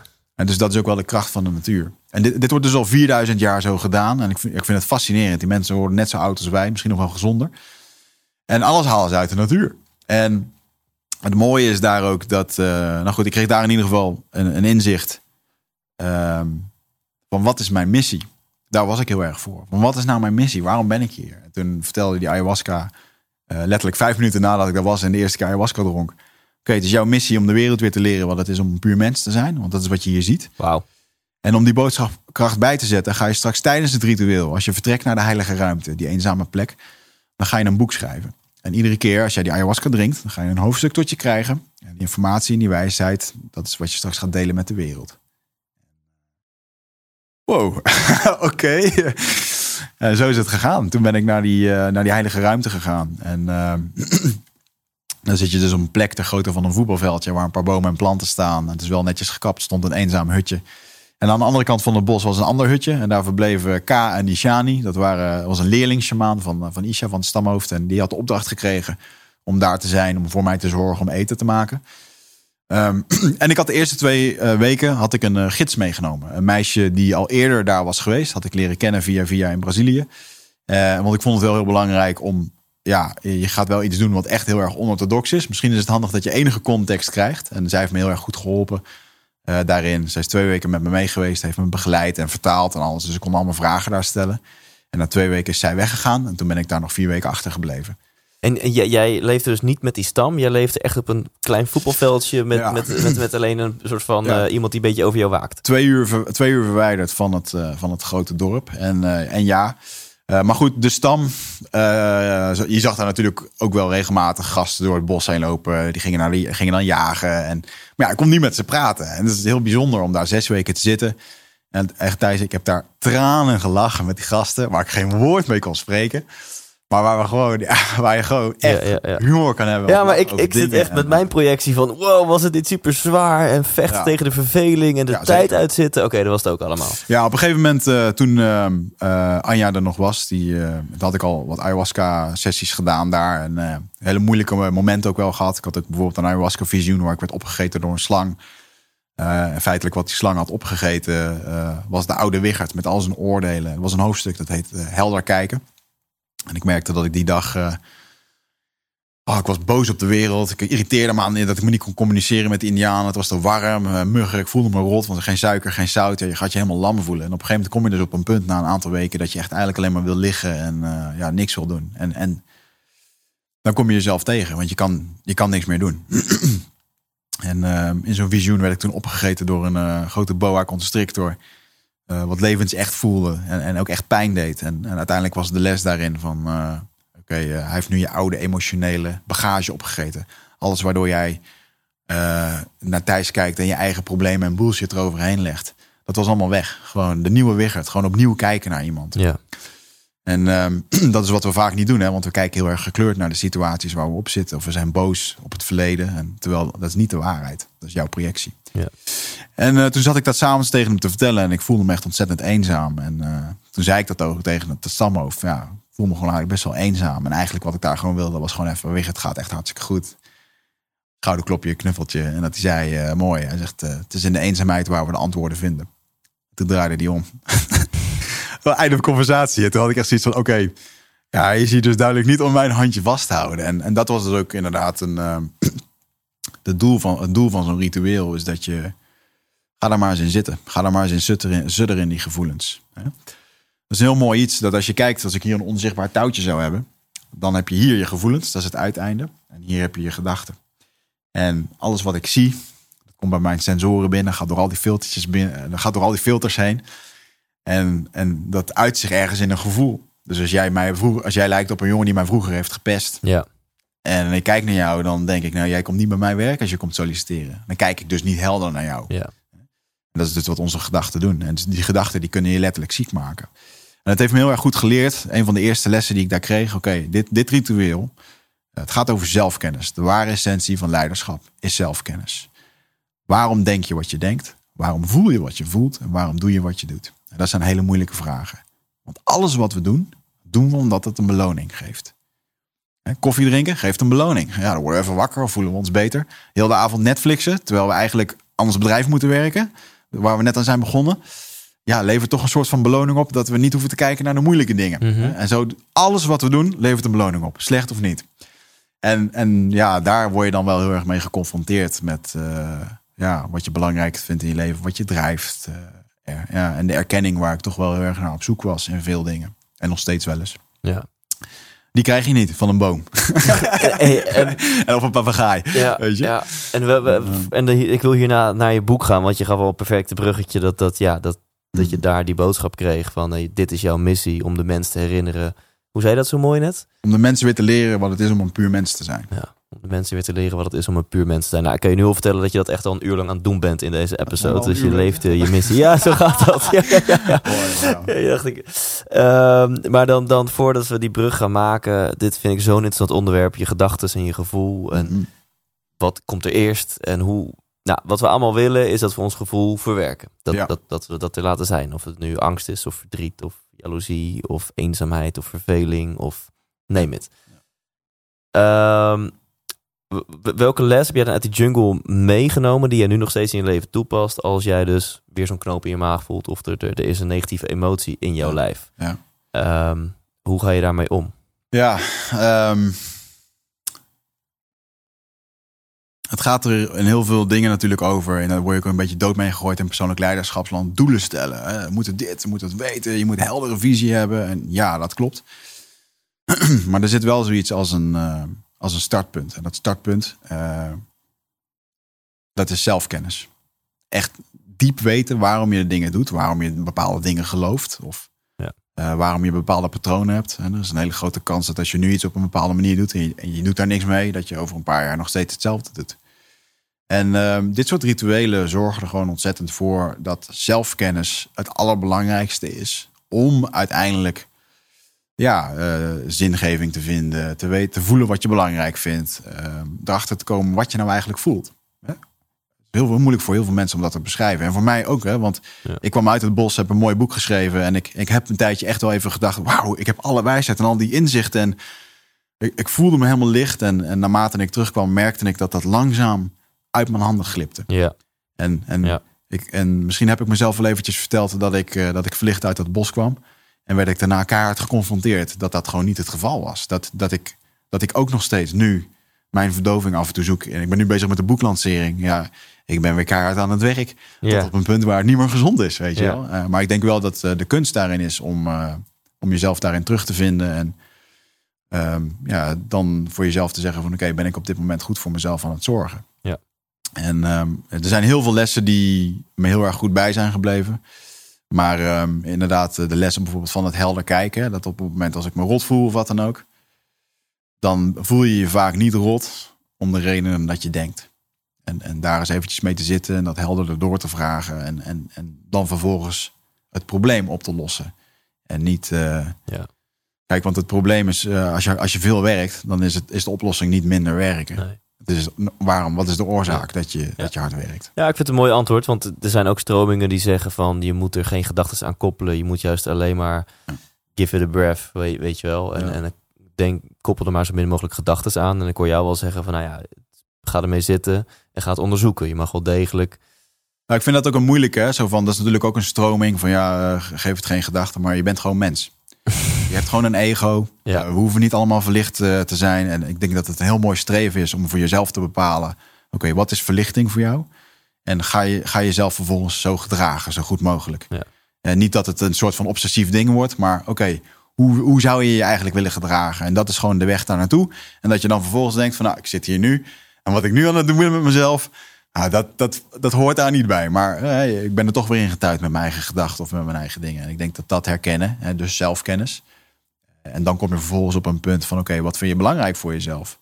Ehm, en ik denk dat eh, wij zijn ook alle twee op die zoektocht. Ik denk misschien nog steeds wel. Eh, en heel veel mensen en heel veel luisteraars zijn op zoek naar de spirituele connectie. En wij zijn daar op zoek naar op latere leeftijd, omdat we het missen. Maar die Indianen is heel mooi, eh, omdat ze dus shamanisme als geloof hebben, worden, die groeien op met spirituele connectie. En vanuit dat punt heb je een heel ander beeld op de wereld. Zij, het lijkt wel alsof de kinderen van tien jaar gewoon zingeving en hun missie en, hun, en, en wat ze leuk vinden en waar ze hiervoor zijn en wat ze bijdragen aan de stam, is natuurlijk ook een heel ander leven. is niet te vergelijken als hier. Ehm, maar het is wel heel erg mooi om te zien dat dat dus een, dat lijkt wel de voorwaarde te zijn om dat allemaal te kunnen vinden. Ja. En daarna kun je eens gaan nadenken over, oké, hoe gaan we dat dan neerzetten met eh, high performance of eh, mooie strategieën om die doelen te bereiken. En, eh, ja. Ja, ik kan me heel goed voorstellen dat je ehm, verlicht terugkomt voor je gevoel. Ja. En dan dat je langzaam hier in, het, ja, in dit leven met ehm, afleiding, met prikkels, met social media, met alles erop en eraan, andere mensen, verwachtingen, drukte. Ja, ik weet nog dat je langzaam weer dat voelt Ik wegglijden. weet nog het eerste moment dat ik daar, eh, hè, want ook in dat bos eh, ja, zit je daar zes weken, dus je wordt niet echt veel gestoord. En eh, die Indianen zijn toch wel, die leven gewoon lekker vredig met het bos. Dus je wordt ook niet zo geconfronteerd met de rariteiten die hier waren. En ja, bij mij was alles eh, light, love en peace toen ik terugkwam. En eh, ik weet nog wel dat ik op het vliegveld zat in Brasilia. Dat was het, eh, het grote, de hoofdstad van Brazilië, voor een tussenvlucht. En dat er op een gegeven moment een, eh, een moeder en een vader eh, langs mij zaten. En waar een zoontje echt heel veel aandacht wilde en dat niet kreeg. En vervolgens gewoon die moeder met een iPad recht in het gezicht sloeg. En dat ik, dat ik echt een soort van geschokt was van... Oh, en, dat ik ook merkte dat ik daar meteen echt wel een oordeel over had. En dat ik daar een soort van kortsluiting in mijn hoofd van kreeg van... Wow, maar hier, heb- hier heb ik nu juist zoveel over geleerd. Over, ja, niet over oordelen, compassie voor zo'n kind en dat soort dingen. En, maar dat het me wel heel erg... eh Wauw, dit is wel echt de, de wereld. Ja, en je, je zat ook... Ja, sorry, ik Ja, onderbreek de- je wat, wat, wat zo'n dieet heel erg doet, is dat ehm, j- jij bent in deze wereld heel erg, je zintuigen zijn vervuild. Ehm, door het eten, door, door stress, door druk zijn, wat dan ook. Dus als je, als je op een gegeven moment dat als een soort, bij mij voelde dat, dus echt gereset als een baby. Dus ik werd ook gewoon hypergevoelig. Mensen aanvoelen. Ehm, dat als je op een gegeven moment met iemand zit te praten, dan dat je hem eigenlijk meer leest op, zijn, op, op wat hij zegt, hoe hij beweegt, hoe hij hoe die doet, hoe hij kijkt. Zijn energie in plaats van wat hij zegt. En, en dat lijkt in één keer alsof dat zesde zintuig, wat iedereen gewoon heeft, eh, daar kan je dan in één keer weer een stuk Ja. beter bij. En dat is wel wat dat soort momenten Wauw. doen. Hè? Dat is ook wat vaak wat mensen bijvoorbeeld met zo'n vipassana eh, Ja. ervaren. Ja. En ehm, ja, eh, dat is wel een. eh, dan kom je in één keer in de wereld. Ik kon toen ook niet meer in Amsterdam wonen. Dan ben ik binnen twee maanden eh, ben ik toen verhuisd. Eh, die stress, gewoon de mensen, echt een bijenmassa van, van alles wat er rondloopt, kon er niet meer aan. Ja. Toen ben ik in de natuur gaan wonen. Ja, ik, het begint bij mij echt, dat vind ik mooi ook van dit medium van podcasting. Weet je, we hebben het hier een uur over en dan, je had het in het begin in één zin kunnen zeggen van, hey, eigenlijk zijn we de verbinding met de natuur een beetje kwijt. En als je Mhm. daar wat vaker eh, komt, eh, Ja. dan, eh, dan ga je merken dat, je, dat, dat er magische dingen gebeuren. Dat je reinigt, dat je helderder wordt, dat je gevoeliger wordt. Dat je eigenlijk weer herinnert aan hoe puur mens zijn is. Zeker, ja.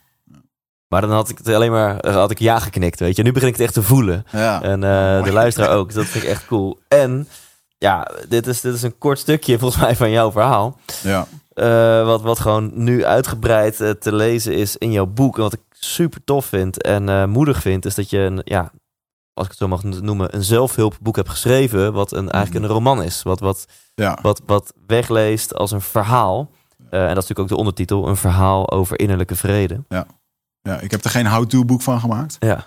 Want um, wat hier staat, uh, dat is natuurlijk een hele mooie manier over hoe het is om een zuiver mens te zijn. Uh, verdomd lastig om toe te passen altijd. En ik denk dat dat uh, de weg is. Um, en ja, ik, ik, ik, denk dat het heel mooi beschrijft. Dat het, het stelt ook heel veel vragen. Het laat ook heel veel situaties zien. Ik ben heel open in. Ja, ik heb natuurlijk ook wel wat dingen verteld. Ja. Maar, ik, denk, ik hoop dat mensen daar heel veel herkenning in kunnen vinden. En ja, dat ze daar wat antwoorden in kunnen vinden. Ja, en ik weet hoe super veel liefde en tijd en zweet jij in dit boek hebt gestopt. Ja, ik zit tegen de burn-out aan. En uh, deze komt echt op mijn, op mijn nachtkastje. Dat, uh, dat, dat ja, kan ik je, nou, morgen, kan ik je morgen krijg ik ze, want het is nu, nu we dit opnemen is het woensdag. Ja. Morgen worden ze geleverd. En uh, ja, maandag liggen ze in de winkel. Ja. Wat, wat, wat, wat denk je, wat hoop je dat de lezer gaat, gaat, gaat ervaren of leren tijdens dit boek? Dat is een goede vraag. Um, ik hoop natuurlijk dat, dat ze daar wat... enerzijds dat het dat, het, dat je de magie van dit hele avontuur kan voelen. Hè? Want er zitten een hele hoop onverklaarbare dingen bij. En uh, ik heb in het begin een beetje zitten twijfelen van hoe ga ik dit verpakken. En, uh, uh, maar het allerbelangrijkste, de boodschap hierin, is dat, dat er heel veel mensen op dit moment op een kruispunt staan in hun leven. En ehm, dat kan een kruispunt zijn op je gezondheid, in je relatie, in je werk. En ik hoop dat die mensen hierin kunnen lezen dat zelfs in de tijden dat het heel erg moeilijk is, of dat het, dat het lastig is, of dat ze compleet omringd zijn door duisternis, want die, die momenten kennen we, dan is toch het meest dappere en het meest inspirerende wat je kan doen, is dat je op dat moment de beslissing gaat maken dat je het anders wilt. Dus um, mijn reis op kantoor is niet dat ik uiteindelijk een succesvol bedrijf van wist te maken. Nee, de meest inspirerende beslissing is dat ik daar zielig op mijn kamertje zat met niks alles kwijtraakte. En dat ik daar dacht, verdomme weer, je moet nu wat. Ga stappen nemen. En vanuit daar heb je het gedaan. Ja. En zo ken jij ook jouw momenten. Uh, waar je bij een goede baan zat en op een gegeven moment de beslissing maakt. Oké, ik ga zelf ondernemen. Die beslissing, dat laat zien wie je bent. Ja. En uh, ja, ik hoop dat mensen die beslissing voor zichzelf uh, durven te nemen, groot of klein. Ja, epic. En ik geloof heilig in de kracht van verhalen vertellen. Want als dit een tien stappen naar persoonlijk geluk was geweest, ja. Ja, dan, dan uh, is ook inspirerend, maar dat is anders. En uh, door dit verhaal te lezen, weet ik zeker dat mensen tijdens lezen ineens gaan denken: hé, hey, wacht eens eventjes, met mijn relatie dit, met mijn werk dit, of met mezelf dat, of met mijn gezondheid, of met mijn emoties. Zeker. Ja. En dat is gewoon de, de, de kracht van je brein, dat je, je die spiegelneuronen, die zorgen ervoor dat je eigenlijk continu aan het reflecteren bent als je zo'n boek leest. Zeker, ja. En, en dit boek heb ik nu geschreven en ik denk dat een volgende boek daar meer naartoe gaat, van, van hoe, hoe kan je dat dan doen? Ik heb ondertussen een uh, methode, ook met ayahuasca, bedacht. Of tot me gekregen. Uh, die, die methode noem ik ook het medicijn. En de eerste pilaar daarvan is zelfkennis. En dat Ja. is eigenlijk waar dit over gaat. Ik, ik moest mezelf opnieuw leren kennen. En dan als tweede heb je een stuk eh, eh, de, ancestral wisdom. Dus die wijsheid van onze voorouders. Hoe zij leefden. Hoe je tot zingeving kan komen. Eh, eh, hoe, hoe kan je jezelf helen? Waarom is dat zo belangrijk? Ja, want als je, die dingen, als je je oude stukken dus niet heelt, dan kan er ook niks nieuws komen. Of wat er nieuw komt, is waarschijnlijk niet heel erg duurzaam. Ja. Hè? Dus eh, waar komt passie vandaan? En ehm, wie, met welke tribe, met wie ben je omgeven? En allemaal van dat soort vragen. Om vervolgens vanuit dat punt eh, naar een stuk high performance te kunnen gaan. En inderdaad, al dat nou, misschien wat zweveriger voor sommige mensen, dat we dat echt kunnen gaan manifesteren tot iets in deze wereld. Dat is dus ook de grote grap die ik, die ik heb met eh, de ondernemers of topsporters die ik coach. Die komen niet bij mij om, om, om 30 miljoen te verdienen. Nee, die komen bij mij om zichzelf op orde te krijgen. Ja. Zodat ze dat uiteindelijk zouden kunnen gaan doen. Ja. Dat, dat voelt ook veel beter eh, voor mij. Ik help mensen gewoon met innerlijke transformatie. Ja. Wat je doel ook is. Epic. Ja, we mogen best commercieel worden. Dit boek is gewoon te bestellen op jouw website. Zeker, ja. wiggertmeerman.com. Ja, ja dan kun je bestellen. Of bij de boekwinkels waar je net waar je het wil. Online of eh, in de winkel. Ja, eh, super tof. Eh, op zoek naar antwoorden dus. Eh, en waar kan je mensen nog meer mee verder helpen? Want je noemde net al iets over coaching. Ja, zeker. Nou ja, ik coach heel erg beperkt. Ik doe alleen jaartrajecten. En dat doe ik met ondernemers en topsporters die, ja, wat ik echt, eh, eh, waar ik de klik mee heb, zeg maar. Ehm, ik geef retreats, persoonlijk leiderschapsretreats. ehm, waarbij eh, één retreat erg succesvol is. Dat is Rite of Passage Retreat. Dat doe ik twee keer per jaar. En dat retreat is er voor mensen die uit hun hoofd in hun lichaam willen komen. En dat betekent dat je drie dagen lang eh, door mij eh, op een liefdevolle manier onder handen wordt genomen. Het programma is onbekend. Ehm, eh, het is een persoonlijk leiderschapsprogramma wat, wat niet wordt gegeven in Nederland op deze manier. Maar wat ik wil doen, ik wil je juist aan die oncomfortabelheid blootstellen. En dat begint al met de onwetendheid wat er gaat gebeuren. En ehm, eh, er zitten een aantal pijlers in. Dat zijn dynamische meditaties, eh, bioenergetics, ehm, persoonlijk leiderschap en shamanisme. En die vier combineer ik samen. Eh, en dat, ja, ik zou zeggen, kijk gewoon naar de reviews en naar de filmpjes, wat mensen ervan vinden. En dan Ja. mag je daar voor jezelf een oordeel van maken. En in januari dan ga ik de Journey starten. Dat is een twee maanden persoonlijk leiderschapsprogramma. Waarin ik eh, die methode die ik net even kort aanhaalde. En de lessen uit het boek ga samenvormen in eh, ja, eigenlijk een toegankelijk programma voor iedereen. Omdat ehm, ik schrijf natuurlijk een boek. Ik heb de podcast Eindbazen, waar ik natuurlijk al heel veel mensen mee help. En, er zijn heel veel mensen die met mij willen werken, alleen die ik nu geen plek kan geven. Dus daarvoor heb ik bedacht, oké, ehm, dan gaan we daar een, eh, een, een, een programma voor starten. En dat is een online programma. Online programma. Ja, als, het, als, het, als corona toelaat, ik wil daar graag een combi in maken. Ook eens een stukje offline met een paar dagen. eh, of met wat, eh, ja, noem dat? Met wat mooie dagen die we daarbij kunnen. Ja, en kun je die methode nog even toelichten om toch even lekker concreet te eindigen in dit gesprek? Ja, nou ja, goed. ehm, de, de basis start dus bij zelfkennis. Waarom denk je wat je denkt? Waarom voel je wat je voelt? Waarom doe je wat je doet? En, tot daar te komen, zul je veel tijd met jezelf moeten gaan spenderen. Zul je zelf vragen moeten stellen. Eh, dus als ik jou, ik kan jou tien uur lang vragen over jezelf laten stellen. Eh, hele vervelende vragen die niemand anders aan jou stelt. eh, of jij jezelf niet durft te stellen. En daardoor komt er een bepaald inzicht. Ehm, dus jezelf helder krijgen is het allerbelangrijkste. Nou, als je jezelf helder hebt gekregen, dan kun je vervolgens gaan kijken over hey, dus wie ben ik nou eigenlijk? En dan komt de tweede vraag: wat doe ik hier nou eigenlijk? En wat is mijn missie hier? Wat is mijn taak? En daarbij is het heel erg belangrijk om eh, een stuk connectie te voelen met jezelf. Ehm, waarom heb je geen connectie met jezelf? Wat betekent dat, een connectie met jezelf? Eh, want op het moment dat jij die connectie met jezelf hebt, eh, hè, dan kun je pas een connectie maken met de ander. Met je geliefde of met de mensen om je heen of met je luisteraars. Ehm, en vanuit daar heb je ook nog eens een keertje een connectie met, met de natuur. Dat ook, kan je ook heel veel antwoorden vinden. En als je die, als je die connectie goed voelt, dan, eh, dan is dat een hele goede basis om wat, eh, ja, wat naar de existentiële vragen van het leven te gaan kijken. Wat is nou eigenlijk mijn missie? Wat zijn mijn passies? Of eh, ja, een heel belangrijk onderdeel hierbij is ook, ook het stukje heling. Ja. Zelfheling. Ja. Op het moment dat jij jezelf heelt, heel je anderen. Als jij nu straks met een therapeut praat en je denkt, wauw, hier heb ik zo'n mooi inzicht aan. En je deelt dat hier op de podcast. En er zit iemand te luisteren die in precies hetzelfde zit, dan heel je die ander. Hè? Dus heling is daarom de rode draad bij deze stam. Omdat als we onszelf helen, iedereen heelt en we dus een betere wereld krijgen. En ehm, nou, dat vind ik een fantastische metafoor. Eh, hè, en dan komt er een stukje passie, missie. Waar ben je graag mee bezig? Want een missie, eh, dat vind ik altijd zo'n moeilijk ding. En dat is mij heel mooi geleerd in de jungle. Dat eh, een missie ontstaat vanuit passie. En een passie ontstaat vanuit interesse of kunde. Dus je moet ergens ontzettend in geïnteresseerd zijn. Indianen en ayahuasca. En vervolgens ga je stappen ondernemen. En vanuit daar ontstaat in één keer een missie. Maar het kan ook zijn dat jij bijvoorbeeld... eh, hè, jij bent nu ook bezig met, eh, met jouw eh, sprekerscarrière, met dingen. Je bent dat helemaal aan het fine-tunen. En, en op een gegeven moment komt er een keer een klik dat je denkt van... ja, ik weet gewoon 100% dit moet ik doen. En jij hebt die transitie al een beetje gemaakt met je bedrijf, de duurzame adviseurs en met het spreken. Ja, dat eigenlijk de liefde staat toch op het podium, weet je wel? Ja. En dat, is, dat ontwikkel je gaandeweg. Maar op het moment dat je die weg dus niet aangaat, de journey, hoe toevallig, hè? eh, als je die weg niet aangaat, dan ga je er ook niet achter komen. En, en uiteindelijk, als je dan dus dat helder hebt voor jezelf, en ook al weet je nog niet wat je missie is, dan is jouw grootste missie om erachter te komen eh, wat je wel leuk vindt, wat je leuk vindt. En ga daar eens mee beginnen. En, ehm, en vanuit daar kunnen we naar de derde pilaar, en dat is high performance. En high performance, daar bedoel ik mee maximaal resultaat eh, met de juiste strategieën en tactieken.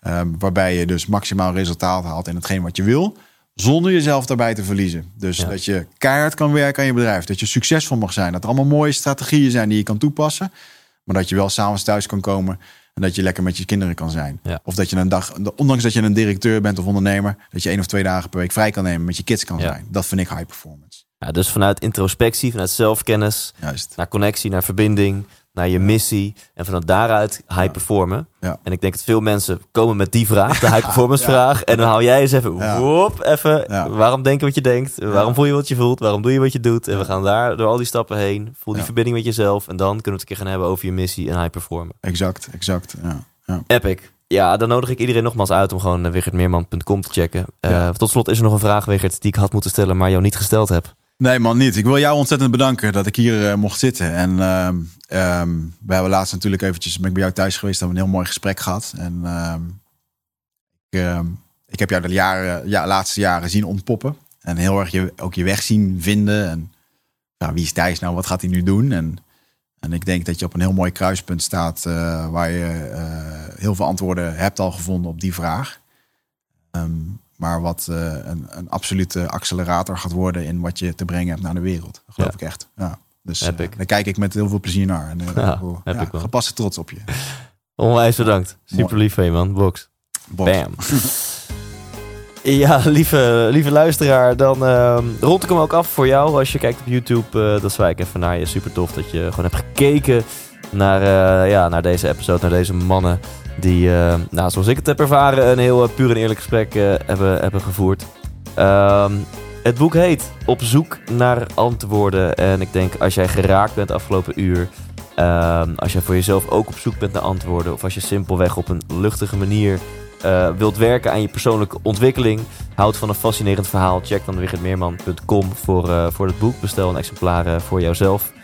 Ja, en Wichert, eh, jij ook onwijs bedankt man. Ik vind het super tof dat wij elkaar hebben leren kennen. Absoluut, man. Ja. En eh, dit is zeker niet de laatste keer dat wij met z'n tweeën achter Dat de microfoon zitten. Nee. Of dat wij een eh, theetje samen We drinken. hebben nog 40 jaar, man. Minstens. ja, minimaal man. Eh, dus onwijs bedankt en leef intens.